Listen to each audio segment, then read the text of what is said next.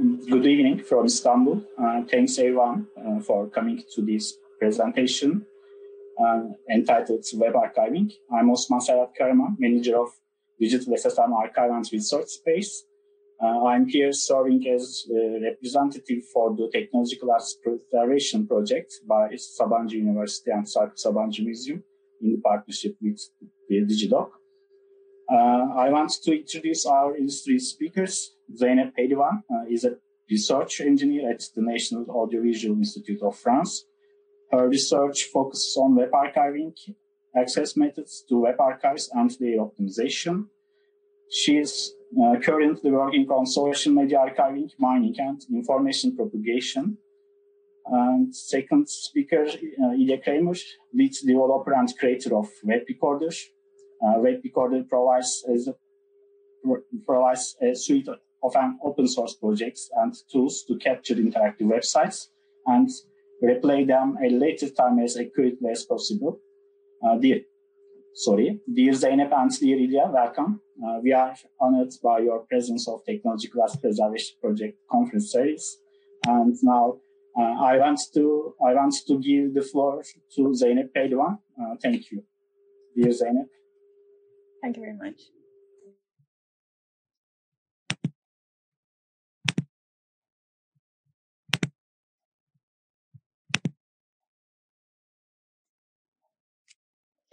Okay. Hi, everyone. Uh, first of all, thank you very much for Osman Serhat Karaman for this invitation. And today I'm going to talk you uh, about web archiving as a step for web-based digital art preservation.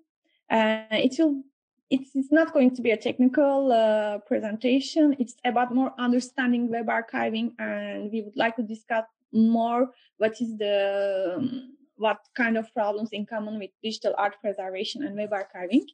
Uh, as uh, Osman Serhat Karaman presented, I'm a research engineer at um, INA, National Institute of Audiovisual in France. I have been working on web archiving since more than 10 years. I've worked in several national projects in France, but also in international projects. And um, let's start. Um, as you know, web became a mirror of the population that uses it. Today, we share everything, every information on the web, our ideas, our uh, pictures, etc. But web is ephemeral. So it has been a long time that we realized that, and uh, there is a need to preserve for future generations. But we shouldn't um, uh, think that the web archives is equal to web. It's not at all. First of all, web archives are cumulative. It's not like the web because in the web, there is only one index. And for web archives, for the same web pages, we have several different uh, versions. And the second, the, when you search something on the web, you look for the freshness. You would like to get the latest update. You would like to get the latest information. But on the web archives, what you are looking for is more coherence and the preservation. So uh, let's start about a brief history of web archiving. In uh, 1996, Internet Archive, as a nonprofit company in San Francisco, in US, uh, started to archive uh, web.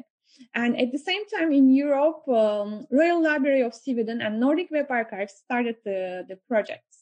Uh, and in Australia, at the same time, uh, Pandora, Preserving and Accessing Networking Documentary, is launched.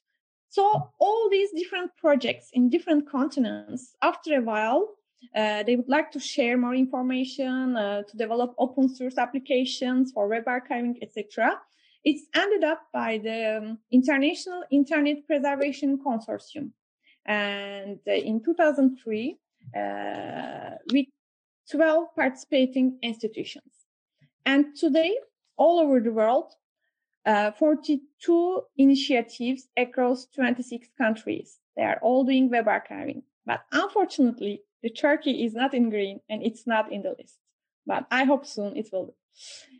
And let's talk about the different uh, steps of web archiving.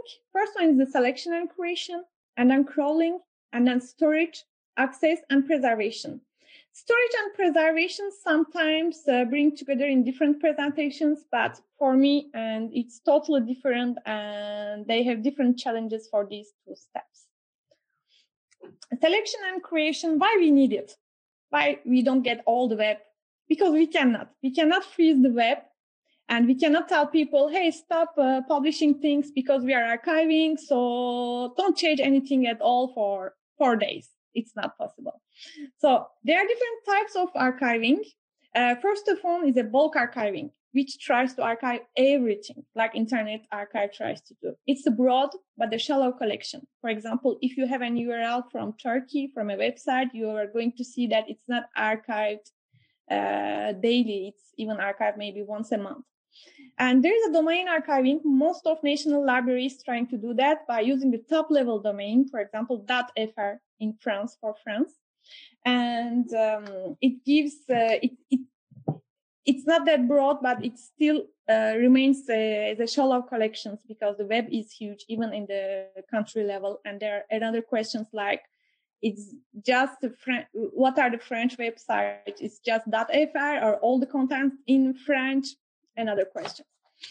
And uh, there are also thematic archiving.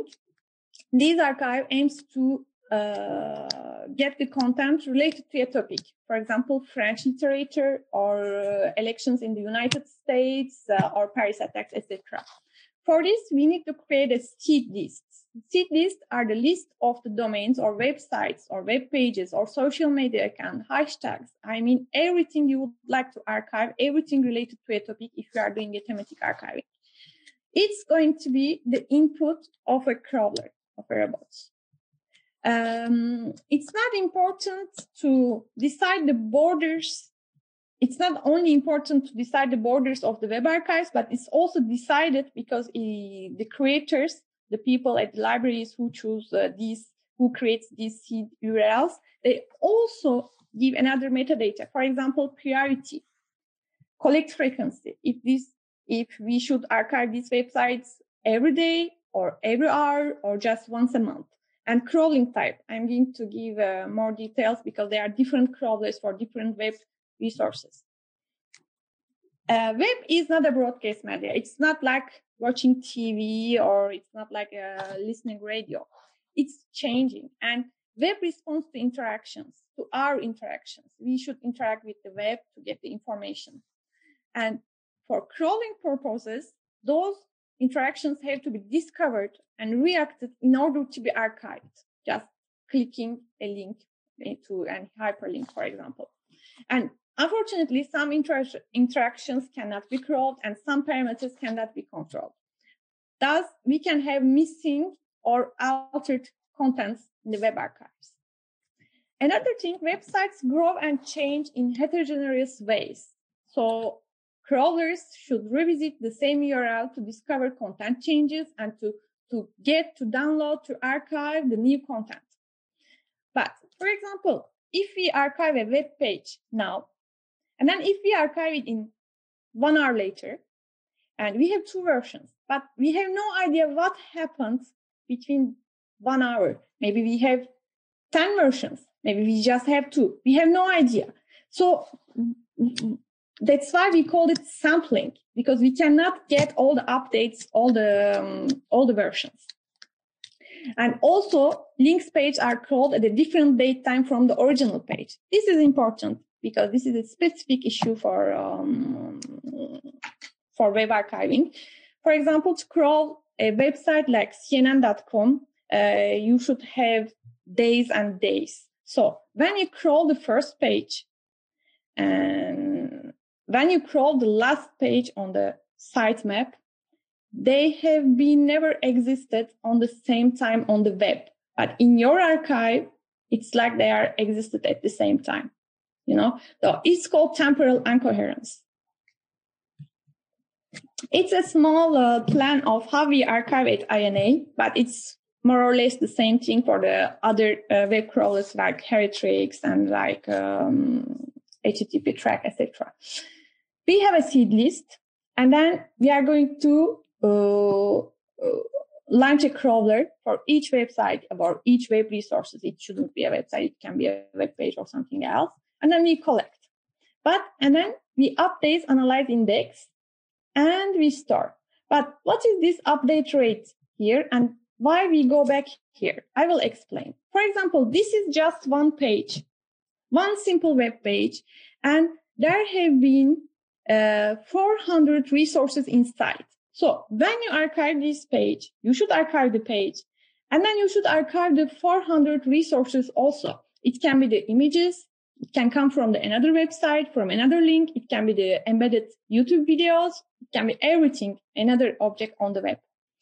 So what happened, in fact, in each site crawler is that you get an URL from seed list and you visit it, you select the page and you download, you parse it, parse it, and then you identify resources like URL, URLs, CSS images, and you also identify the linked page URLs, and then you send it to the seed list. Okay, and then you download the page and you store a new archive. So to be able to archive completely a web page, every object found in a web page, web object should be archived. That's why different methods for different uh, web resources. For example, to archive a website, you can use a um, classic um, web crawler, but it's not, not the same thing for social media. You can archive the social media web pages, but most of the time, social media, they provide the APIs, application programming interfaces. And um, these interfaces give you more metadata that you can see from the page. And they also want you not to archive their pages, but use their APIs so that they can control the access and etc. And uh, we also at INA, uh, we use a special crawler that we call live archiving proxy. And it's, we can tell it like a human harvest. There is a someone, most of the time creator from our company, and um, she or he just visits a website and then just follow links. And every interaction that he or she does is archived. Um, thanks to live archiving proxy. We use it for some time to time for one-shot bot uh, or face prototyping because sometimes uh, we just need to archive a website only once or only a small part of it that with the interactions. So we use this one. Uh, what is the storage? When we tell about the storage here, we don't tell about uh, downloading and archiving all the web pages and putting them in the USB stick. What we talk about it here to retaining archived web objects on a storage medium securely and reliably. For this, we need a file format. There are two different file formats. One of them is the WARC, Web Archive, a file format for the long-term preservation of uh, digital data. It's a protocol-based one. You do a trans, uh, you, you, you do HTTP request, for example, you get a response and then you write it in a file. It's a ISO standard and it's widely used. Lots of national libraries doing web archiving using uh, as a file format. And we have also DAF, digital archive file format, but we are using at INA. It's not protocol agnostic. Uh, it's built-in full duplication. It's extensible. It's not a standard. And we are not very sure if uh, it's a good thing, in fact, because it's uh, more, we can change it any, any, any time that we would like to, etc. And here's a small example of WARC uh, record. Uh, in the WARC format, there are containers. In each container, there are WARC records, okay, for each object. And here you see a web page. Here is the metadata of WARC. Here is the hash SHA of the, of the web object content. Here is the headers. These are the HTTP headers. And then you have the content, original file content. For the DAF, it's a little bit different because uh, there's a DAF data records in one uh, container and there's metadata records. And they are uh, recording separately. Uh, it uh, helps us to deduplicate the data not, not as a post-processing procedure, but during the, the writing to archive. For example, you archive this image, you have a hash value, and then when you get you revisit or you get the same thing from another website, the same URL.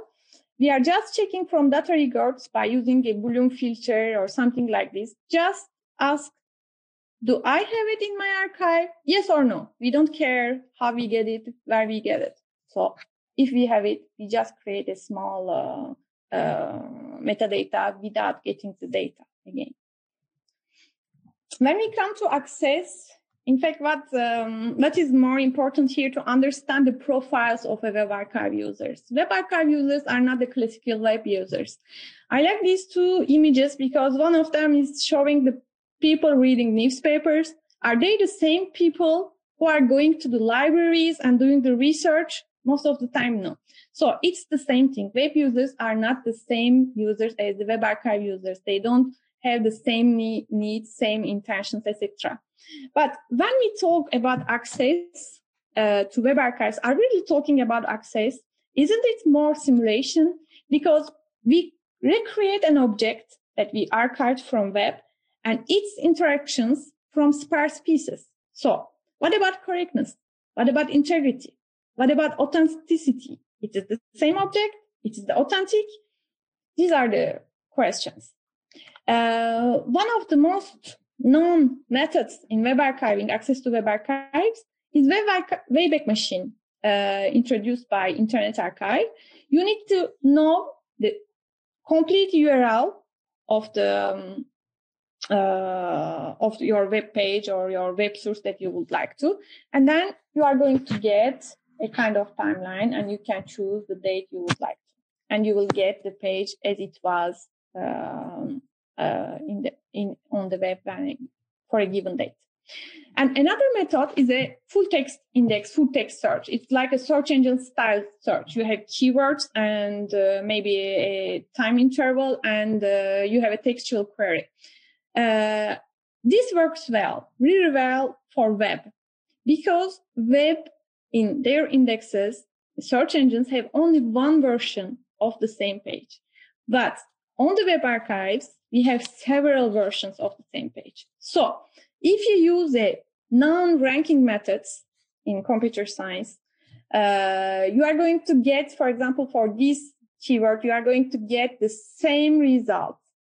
I mean, it's not the same result. It's the same page archived several times, but it's uh, the same result for the keyword and 2200 times. So it's like opening Google and seeing the same things for 100, 100, 100 of pages, seeing the same results. So most of the initiative archive uh, institutions uh, prefer to just collapse everything together. For example, this is the first result.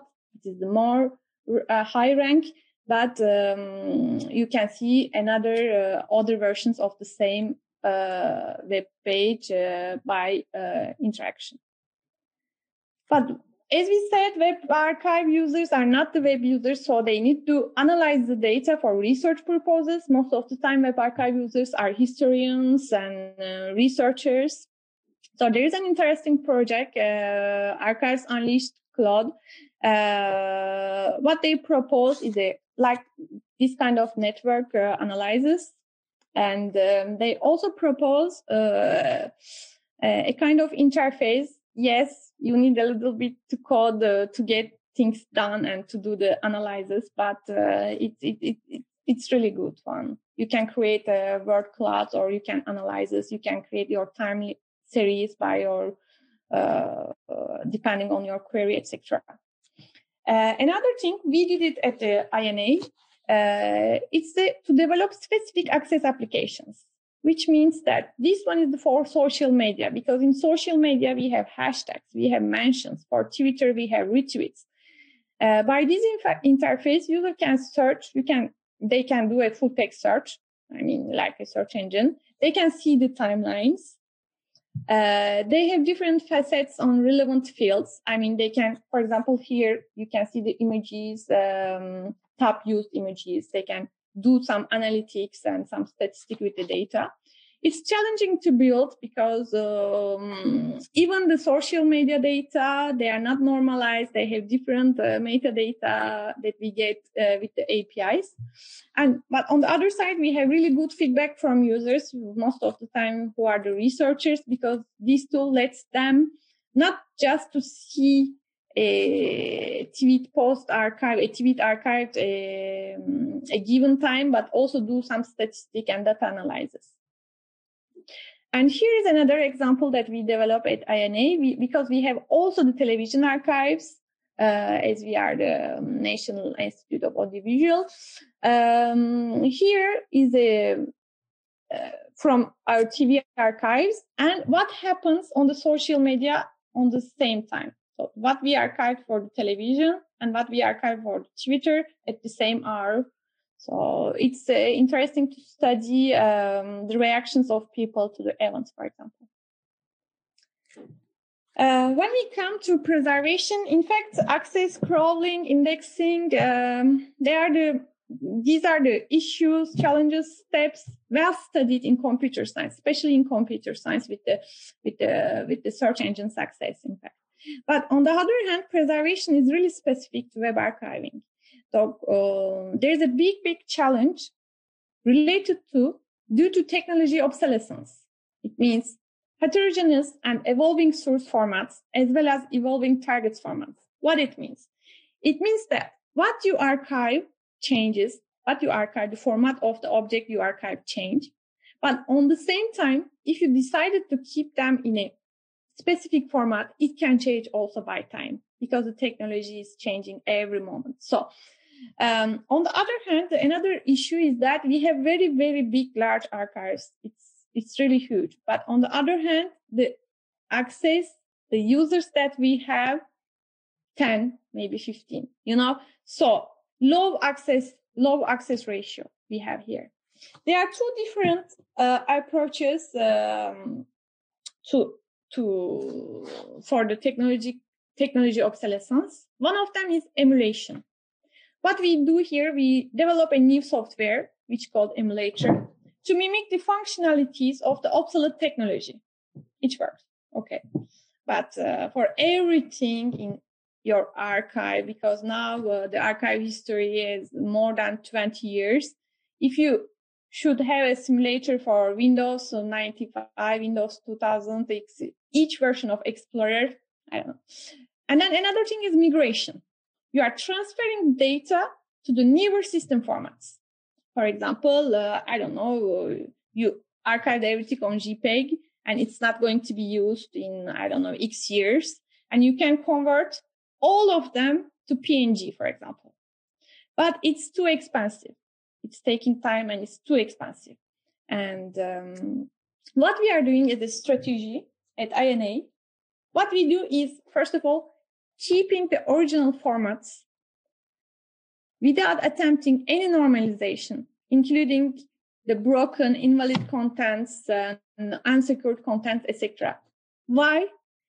Because it was like this on the web when we try to archive it. So we are archivists, archivists, like the, the, the archive, not digital ones. I mean, it was the state of the object. So we get it like this. So we keep it like this. We don't touch it.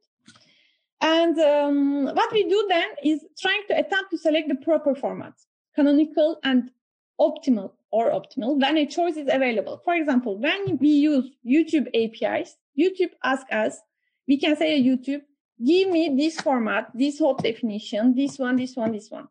Uh, we cannot get all of them. It's going to take a huge place. So we decided to keep only the MP4 as a format.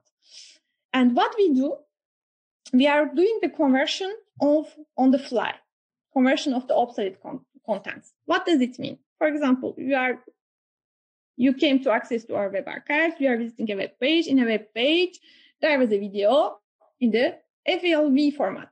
Okay, another um, old um, format of video. What we do when you visit this page on the fly, we convert it to MP card for MP4 and we display it to you like this. Okay.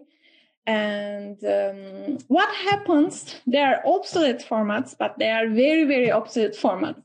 I mean, you cannot even do the conversation on the fly because uh, mig- uh, you need a migration uh, because you need really a specific operating system. So what you do, you get a server, you install the, this version of a specific thing and you do the, you, you do the migration because you don't have any choice because you cannot do it on the fly. And another interesting point is what's happening with the modern browser because um, with the modern browser, uh, we are more aware of privacy. We are more aware of security.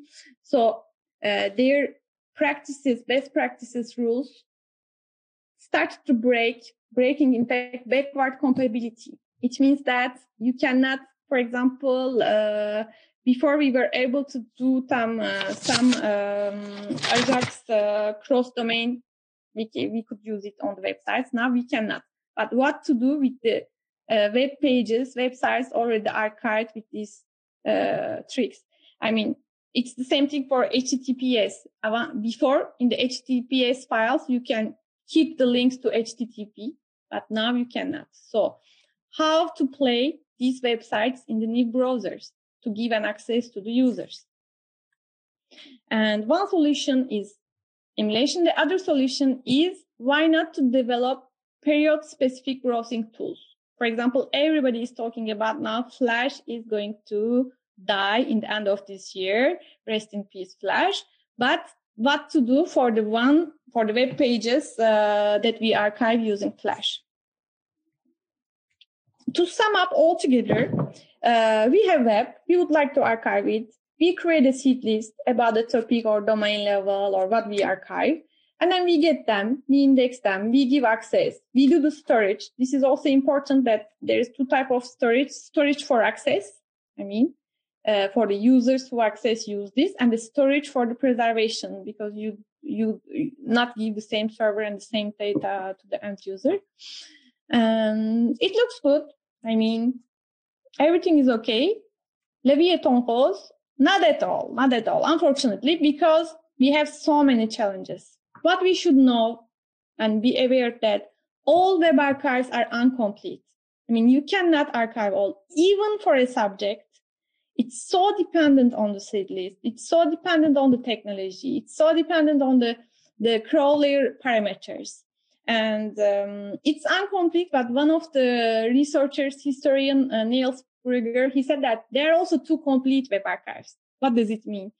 Okay, they are incomplete from one side because we don't have all the versions of all the web pages, but they are too complete because we have several versions for one page. So we can we can study evolution of a web page or website.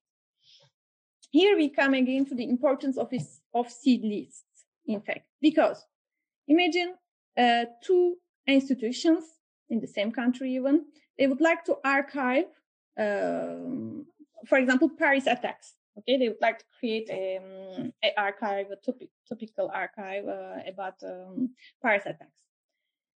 If they have different seed lists, they will end up with totally two different archives. Even if they have the same seed list, but they are using the different crawlers.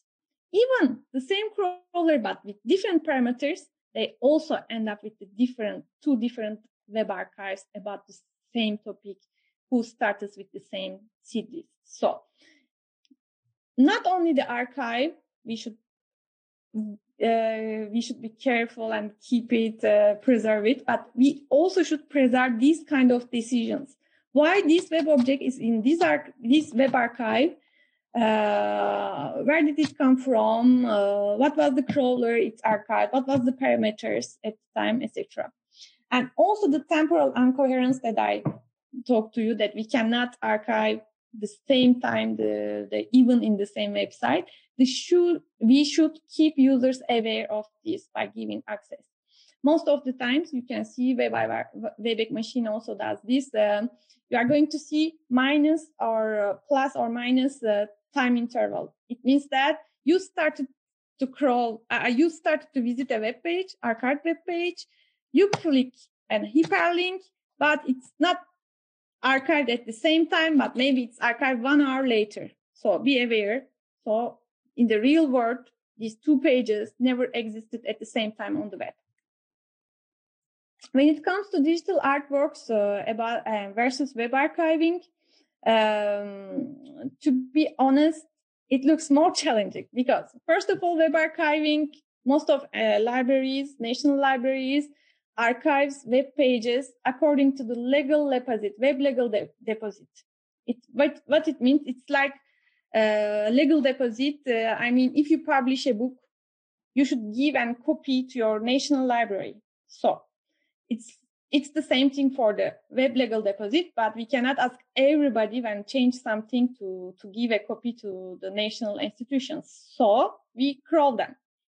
But on the other hand, for the web-based digital artwork, archivists should work with the artists themselves to collect information on artists' intentions. What kind of reactions, the uh, interactions should we create to get the artist's intention and to archive well the web object, art object.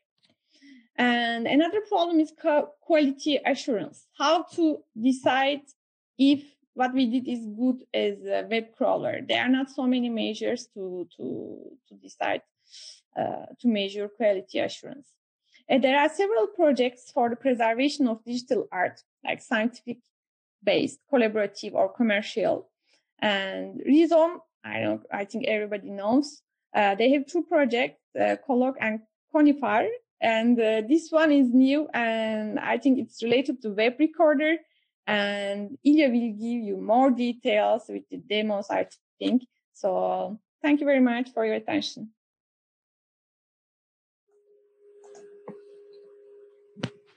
Thank you. Thank you, Zeynep, for your great presentation.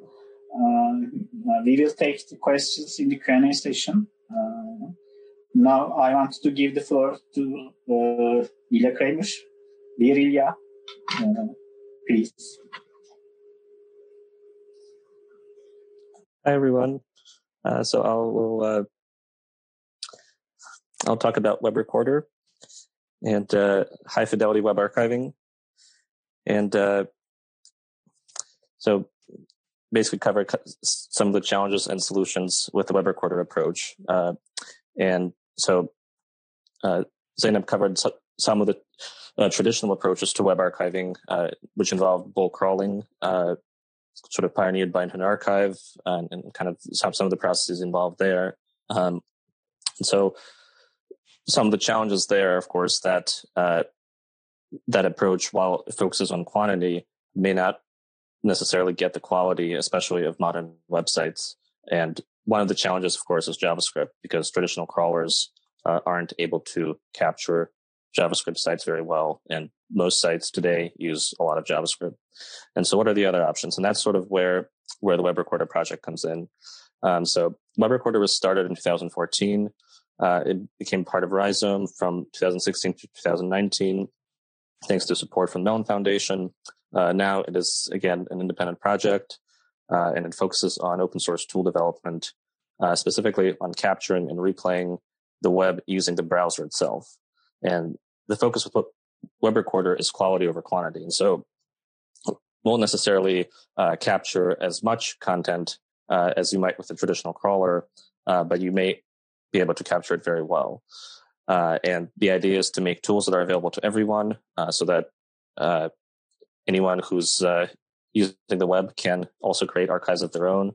Uh, and it previously included uh, host service webrecorder.io that is now part of Rhizome. Uh, and uh, basically the same kind of the same infrastructure. And uh, so what I'll show today is a few demos. Um, and so how do you capture a website? and the idea with Web Recorder is that you can capture as you browse uh, and it captures all the network traffic, uh, and it works pretty well for, for social media archiving. Uh, and so I'll uh, I'll demo this desktop app. So this is uh, kind of an example of a uh, custom tool that's built specifically for archiving.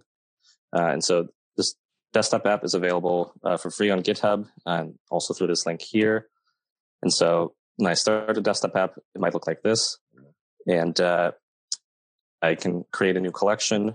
And so I've created one here. And for example, I will enter a, uh, so I prepared some, some URLs here for SSM. So I will just go ahead and enter that URL into Recorder here. And what, what the Web Recorder desktop app is, is it's basically, uh, it has an integrated Chrome browser. Uh, and what it does is as it's loading the site, everything is being captured. And over here on the top, you can see the size counters. This is how much has been archived so far on this page. And so as I, as I loaded it, uh, it's already up to 289. Uh, and then as I, for example, if I click on additional uh, pages, so you can see the size counter going up. And so by interacting and actually browsing as as re- a regular user would, uh, the archiving process is in, is in a sense made transparent, uh, although not entirely so, but uh, it's it's entirely user driven. So, for example, here uh, I can go through this uh, slideshow, and you can see that the, that the, the, the size counter at the top is going up as additional uh, additional resources are being loaded. And so through this, I can define exactly which pages to archive. Uh, and so I can, uh, in this case, I'm sort of manually going through this, uh, through the slideshow here. Um, and you might also think that, well, this is great, but this might be a tedious process. Um, and I'll show some, some approaches that we've developed that uh, can alleviate that. Um, but at the same time, it also allows the, the user to define exactly what they want to archive. Uh, so, so this is, uh, so now I've gotten up to 21 megabytes. Um, and in this case, uh, when I click stop, I can see the pages that, that have been archived uh, and I can click back on them. And now, uh, I can see what, uh, you know, the, this is the one page that, that I have archived. Uh, if I click on this again, I should expect it to work. Uh, and you can see that I can, again, uh, this is sort of what we call high fidelity web archiving, where the page is reproduced uh, as accurately as possible. Of uh, the user should not be able to tell the difference between uh, the live site and the archived site in this case, because it was archived directly through the browser. Um, so Another example, uh, maybe I'll choose this site here so I can create a new session and I can enter uh, this URL again in the in the desktop app. And you can see it loading and you can see the size counter go up. So it's kind of reassuring that things are being archived as uh, as the site loads. Um, and so already it's up to to 7 point megabytes here. And then uh, let's say I want to uh, archive social media. And so uh, Glow Recorder works pretty well with uh, with social media archiving. Uh, however, it takes uh, the idea is that it, it's essentially capturing all of the network traffic exactly as it's being loaded. And say now I'm on Instagram and I want to archive all of these posts. Well, so I can go ahead and I can click on each one of them in order to archive them. Are there any other options? And what we have developed to address this is uh, so challenges that this uh, this approach can be tedious, uh, and what we can do is uh, we have the system called uh, Autopilot, which is basically a pre-made script that can run inside a, a web page, uh, and it can automate interacting with the browser in such a way that uh, in in such a way that a user would normally. And so, for example, I would uh, start that here, uh, and as you can see, it will what it will do is it will uh, uh, click on each of the posts. Um, and again, I'm running this at the same time as as screen sharing, so it may be a little bit slow. Uh, and you can see that it's it's actually archiving in real time here. And it's going to sort of keep going through all of these posts. Uh, and again, it's a little bit tricky because, for example, we can see that, for example, my network may not be as as fast right now, and so uh, it might need to wait a little bit longer. Uh, and so with, with, these with this approach, uh, we can automate some of the tedious uh, uh, work of archiving, especially social media. The challenges, of course, is that as these sites change, uh, we have to uh, update the script that, for example, can scroll through Instagram, and they change frequently. Uh, but I did update it earlier this week, so so it is working for for the time being. Um, and so I, will just uh, I'll stop it here. So it's already gotten about 22 megabytes, 23 now, and so just of time, I'll stop here. Uh, and so that's the web recorder autopilot system. Uh, and we have behaviors for uh, a few different sites. Uh, we have uh, behaviors for Twitter, uh, Instagram, Facebook is always a challenge, YouTube, uh, Sound, SlideShare, Yahoo groups. And again, the challenge, of course, is is maintaining these behaviors because once we create them, they may break at any time. Um, and so Web Recorder also does have uh, some crawling tools for developers, uh, and that's the the Browsertrix crawling system.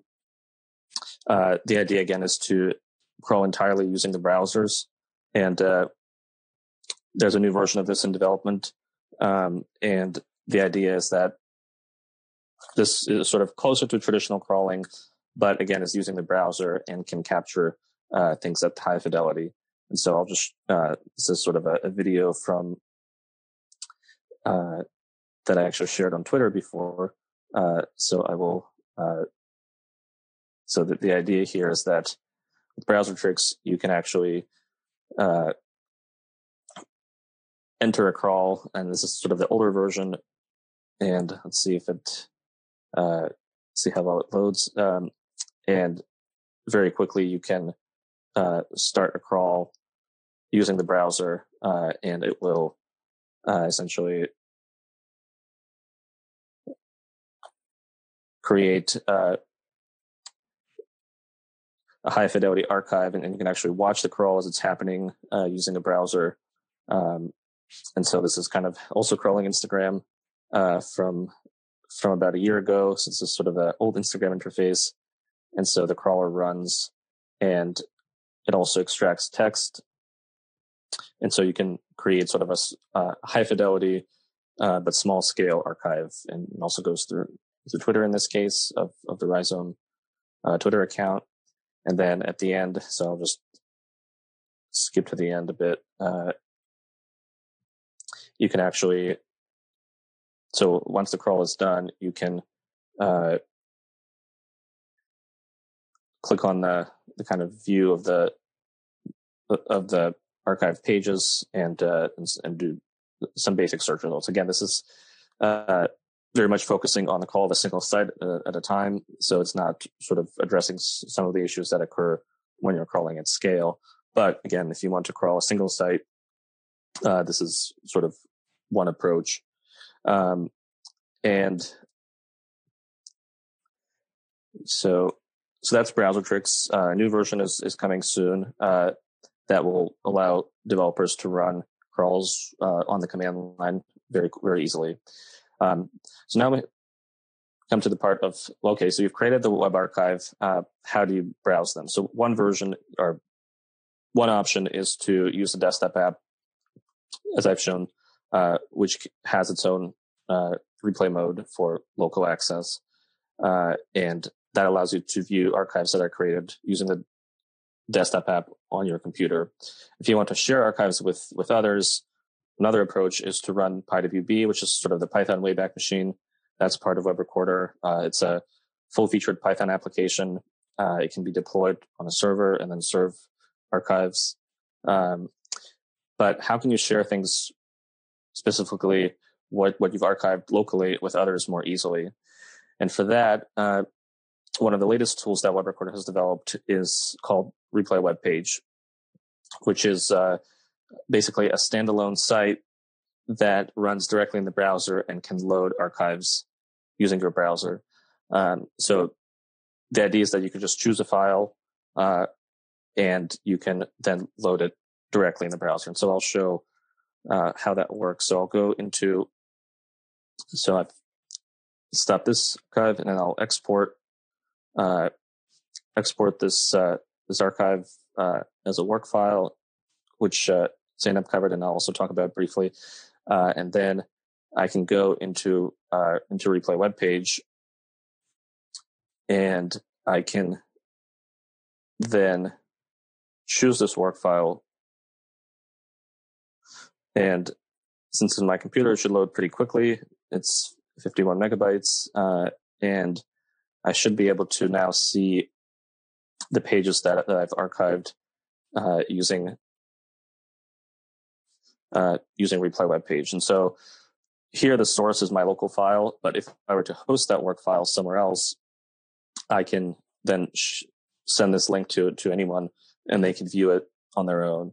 And so this is the the uh, replay web page interface, so we can kind of go go through the pages that that were archived uh, just a few moments earlier, um, including, uh, for example, Instagram should also work.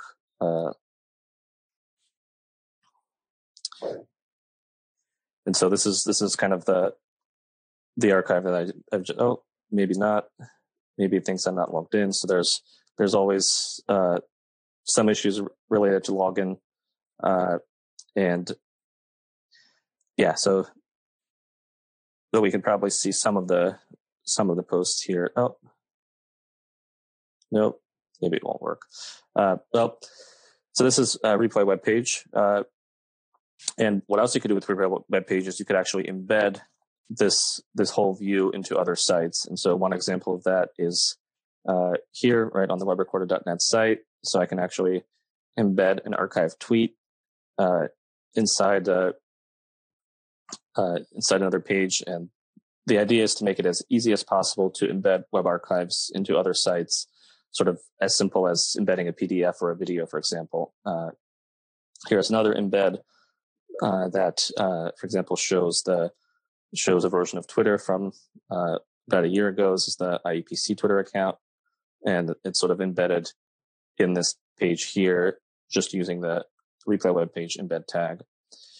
Um, and so this provides a way to really easily uh, share web archives with anyone uh, without requiring a whole lot of infrastructure. So here it's just loaded from S3 uh, in this case. Um, and so continuing on, uh, so how are web archives stored? So the standard format, of course, is the WARC format, uh, which uh, the Web Recorder desktop app supports. Uh, you know, is also using it. Uh, many national libraries and institutions all over the world are using the, the WARC format. Uh, the idea with WARC is that it stores sort of the raw network traffic. It doesn't have really any custom metadata, though you could sort of add it, but it's not really designed for that. And it's also not easily searchable without an external index. And uh, to deal with some of these issues, Web Recorder is working on a new format called WACZ, which is sort of streamable web archives and stands for Web Archive Collection Zipped. And it's basically a, a zip file that contains WARC files uh, in addition to other metadata. And the main advantage of this format is that it allows for random access to large collections. Uh, and for example, this this allows for very quickly loading uh, larger archives in the browser using replay web page. Uh, so, for example, here's another demo. Uh, this archive is actually a 17 gigabyte file, um, and I can actually, because it contains, uh, uh, I think 200 Vimeo videos, but I can reload it fairly quickly because it uh, it only loads the portions that are needed uh, at a time. And this is sort of an interactive uh, project that was published by Stanford University Press, uh, and it contains many uh, many videos here. Um, another example is that uh, you can embed with, with, the WACZ format and replay web page. You can embed and quickly load all sorts of archives directly in in any site. So here, for example, is a is a demo uh, running in Glitch, and we have an archive of Twitter, uh, and I can sort of do a full reload. Uh, so after it's loading, it's actually caching it in the browser, uh, and it can play fairly quickly. So here's a a, a tweet. Uh, uh, here's an example of a YouTube video that has also been archived using Web Recorder, and I think it's trying to skip an ad initially. Uh, and then after that, you can see that it's playing and it's playing. Uh, you know, if this were uh, shown at full screen, uh, the user would would sort of see that this is as, as YouTube. Uh, this is kind of the the idea of, of high fidelity is that uh, the archived version should look as close as possible to the original. Um, and again, this can all be deployed simply using HTML and cloud storage. Um, and so the, the WACZ format kind of allows for very quickly loading these uh, streaming videos on demand. Um, and so again, where can archives be stored? Uh, there's also Google Drive integration, um, in addition to just regular file storage. Um, so you could actually open web archives from Google Drive, also using Replay Web Page. Uh, you can store them on S3. Uh, you can store them on institutional repository systems. Um, you can upload them to Conifer, which is sort of Rhizome's hosting service. Uh, so you could just take a WARC file and upload it there, and it will be hosted. Um, and just to show the, uh, know if I if I have the Google Drive integration set up here. Uh,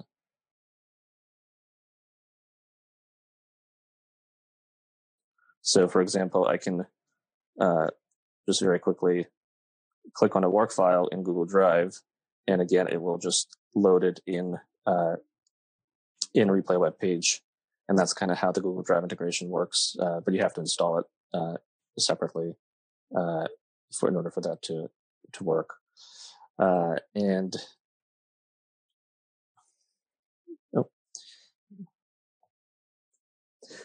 and so again, uh, I don't want to make it seem too easy uh, that solved everything. Uh, there are sort of never-ending challenges, as Zeynep also mentioned. Uh, web pages can be rep- uh, again these days. Web pages are replaced by dynamic web applications, so there's always a challenge to uh, be able to archive the dynamic content, uh, which requires user interaction.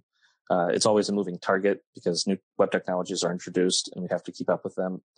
Um, and actually, capture is hard, but replaying accurately uh, is even harder uh, for a variety of reasons. Uh, Zeynep mentioned some of them, so I also wanted to briefly mention a, a few others, uh, including that uh, uh, when we replay uh, URLs, we're sometimes not even getting the same URL back. We're getting the browser is requesting a different URL when we're playing it back than it did when capturing. So here's kind of a, very simple example of that, of a page that might have a timestamp. Uh, it might have one timestamp when capturing, and then we, when we replay it, it has a slightly different timestamp.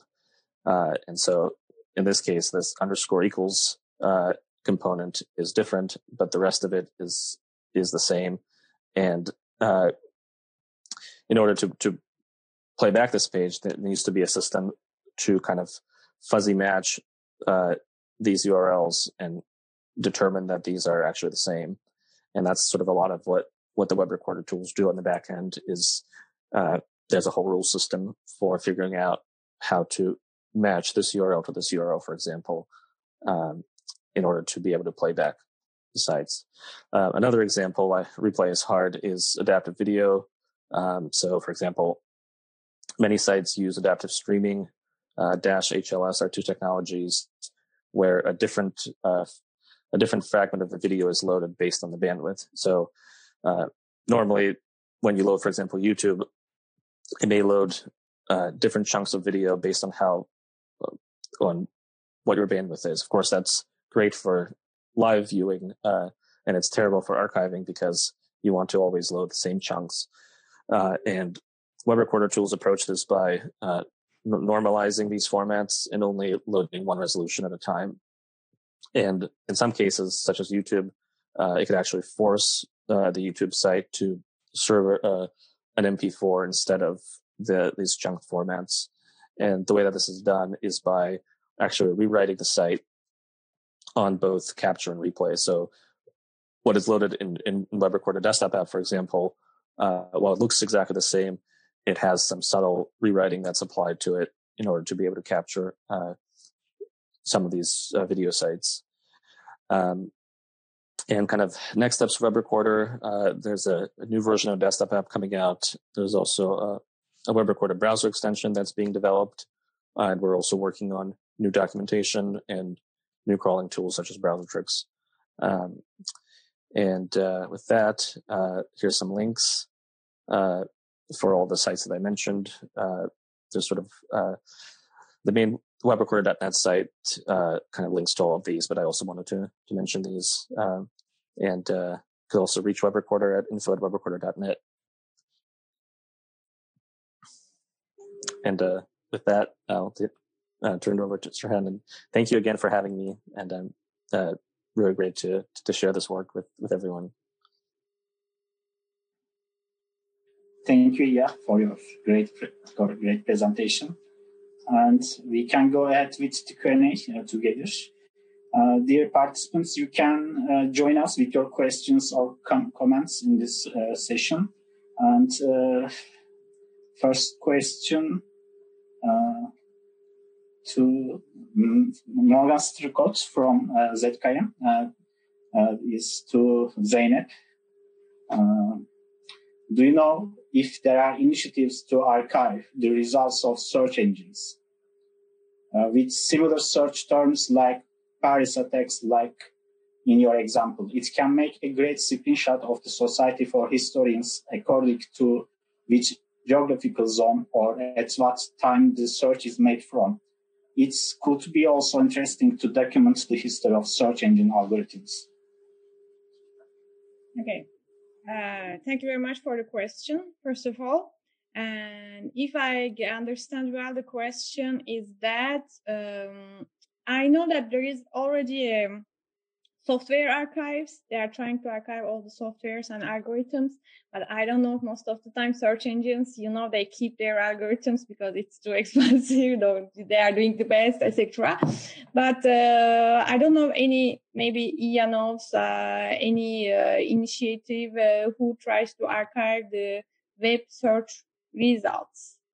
So, but most of the time, lists that I mentioned are generated because the uh, based on the web uh, search engine results. Because creators who are for example um, in charge of creating a seed list for Paris attacks what they are doing they are doing just a google search and then they are taking the urls and they are adding them to the seed list you know? In a way it's yes it's archived because this is one of the methodology of creating a seed list and uh, but it's not done systematically. Thank you. Uh, second question is to Ilya um, from uh, again Morgan Stricot. Uh, web recorder works with URLs, but could we imagine to adapt it to record apps? Uh, ZKM has iOS apps in its collection, uh, some very old that are only operating on old iPads, and it would be nice to record them before the material die and the apps are gone or updated. Yeah, uh, that's that's definitely a, a, good question. Thank you. Um, yeah, it's it's a challenge. Uh, I think partly because, uh, especially on on iOS and Apple platforms, uh, things are much more locked down uh, in terms of uh, the web the web is much more open, so we can, for example, load an app or, or sort of a web app that loads in the, in the browser and archive its network traffic. Uh, in order to do that with uh, with a, a, mobile app is a little bit more complicated because you don't really have access to the network data. So you could store the app itself, but sort of really the the key parts are are the network data. Uh, and I know that there has been a little bit of research on that, but I think it's it's it's complicated, uh, mostly because accessing that network data uh, can be challenging because, for example, it's locked down with a with a custom uh, SSL certificate, so we won't let you intercept that network traffic uh, because essentially what we're doing is we're intercepting the data and storing it, and for good reason, apps don't want you to do that, of course, uh, and so uh, yeah, it would it's it's a nice challenge to to work on in the future, but I think right now uh, it isn't quite possible yet. Thank you. Thank you, Yeah. Uh, my question is to you, uh, yeah, again, um, related with uh, archiving methods. uh, uh, Darius Kazemi is an internet artist and he makes bots and generators. Uh, he's one of the newest stuff is Hip Hop Radio Archive bots. this bot makes um, 60 seconds clips at random from the Hip Hop Radio Archive website. it depends on an online service to work. Uh, and if this online service disappear, the artwork will die. Um, this is the case. Uh, my question, uh, can we preserve or archive these real-time net artworks, which uh, works as a both via web recorder tools? If cannot, uh, can we say that it's impossible to preserve this type of artworks for future? Um, what do you think about this? Um, I think uh, so. It's hard to say without looking exactly at how the app works. Uh, but if it's loading, if, if, if everything is loaded in the browser, and it can and it just makes network connections to specific sites uh, it should be possible. I think there, there's a good chance that it will work if, uh, or, or at least to, to archive a particular version of it. Of course, uh, you know, it, won't be able to, to, to always archive. So, so, you could run it several times and, and kind of have several generated versions, uh, at random. Uh, that at least you'll, you'll, you'll have that. Um, yeah, so I, I think it, it would be a, a good experiment to try loading that in, in the Webrecorder desktop app to see if it works. Uh, and, and if not, maybe we can figure out why why it doesn't work. Thank you. Uh, okay, uh, my uh, another question is both of you. And general question. Uh, in this July, I listened to a podcast uh, titled "Preserving Digital History: How to Close Web's Memory Hole." Uh, I learned from this podcast that nearly all information on the web is gone within uh, 20 years. Uh, also, internet pioneers uh, Vint Cerf once of, once of a digital dark age. Uh, should we worry about this uh, or what is the big challenge on web archiving we will face in the future? What do you think about this?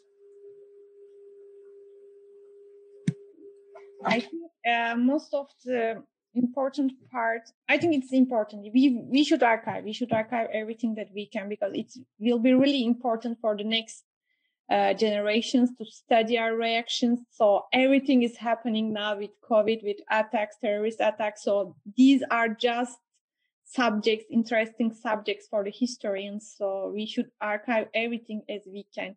But the most important challenge, I think, will come later. Now there are so many challenges because we are trying to archive all we can. Okay.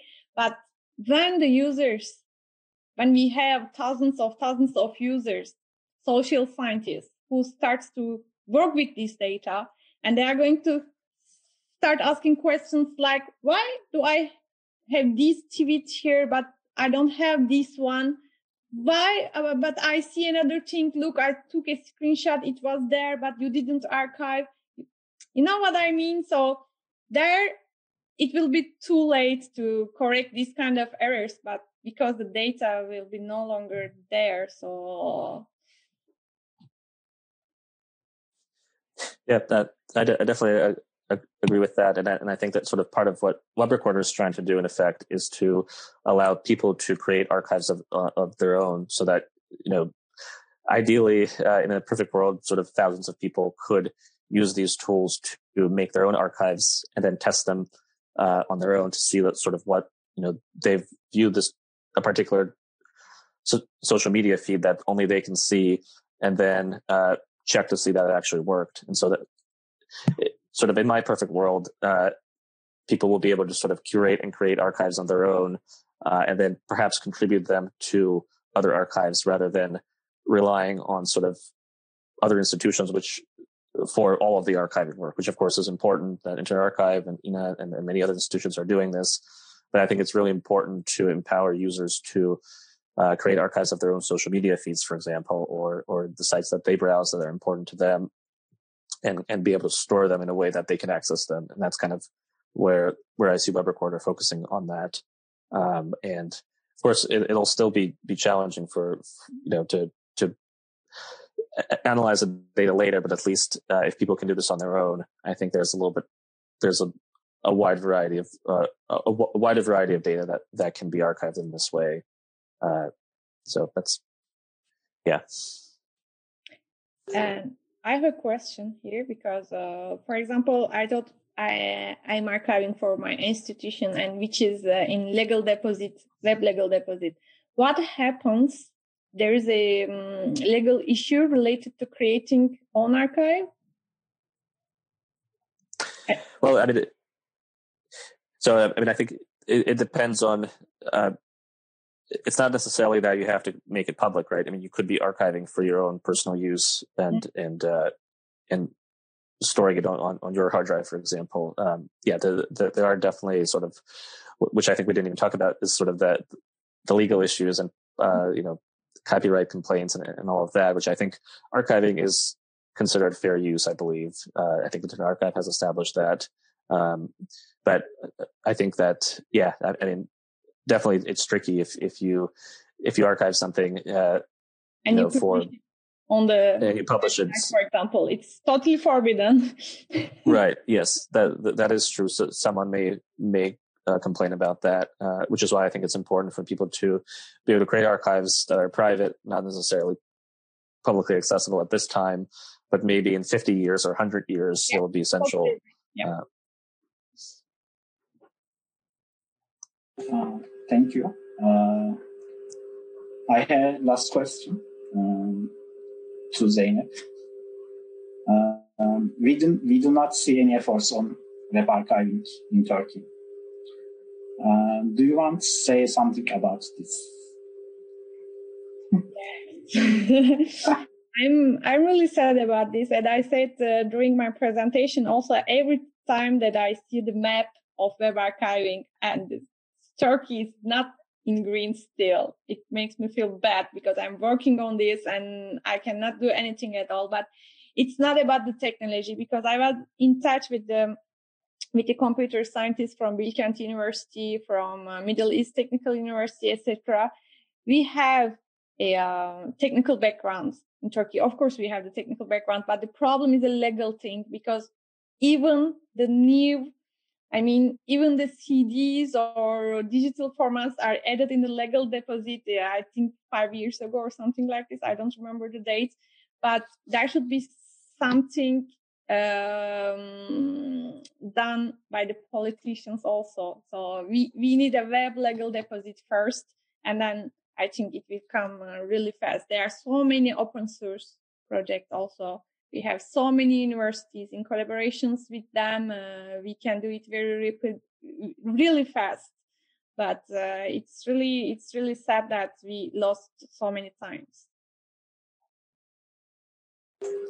Thank you. And we have no more question. And thank you for accept, accepting our invitation and contribution to our research project. Dear Ilya, dear thank you again. Thanks for the invitation. Yeah, yeah. Thank you so much for having us. Yeah. See you.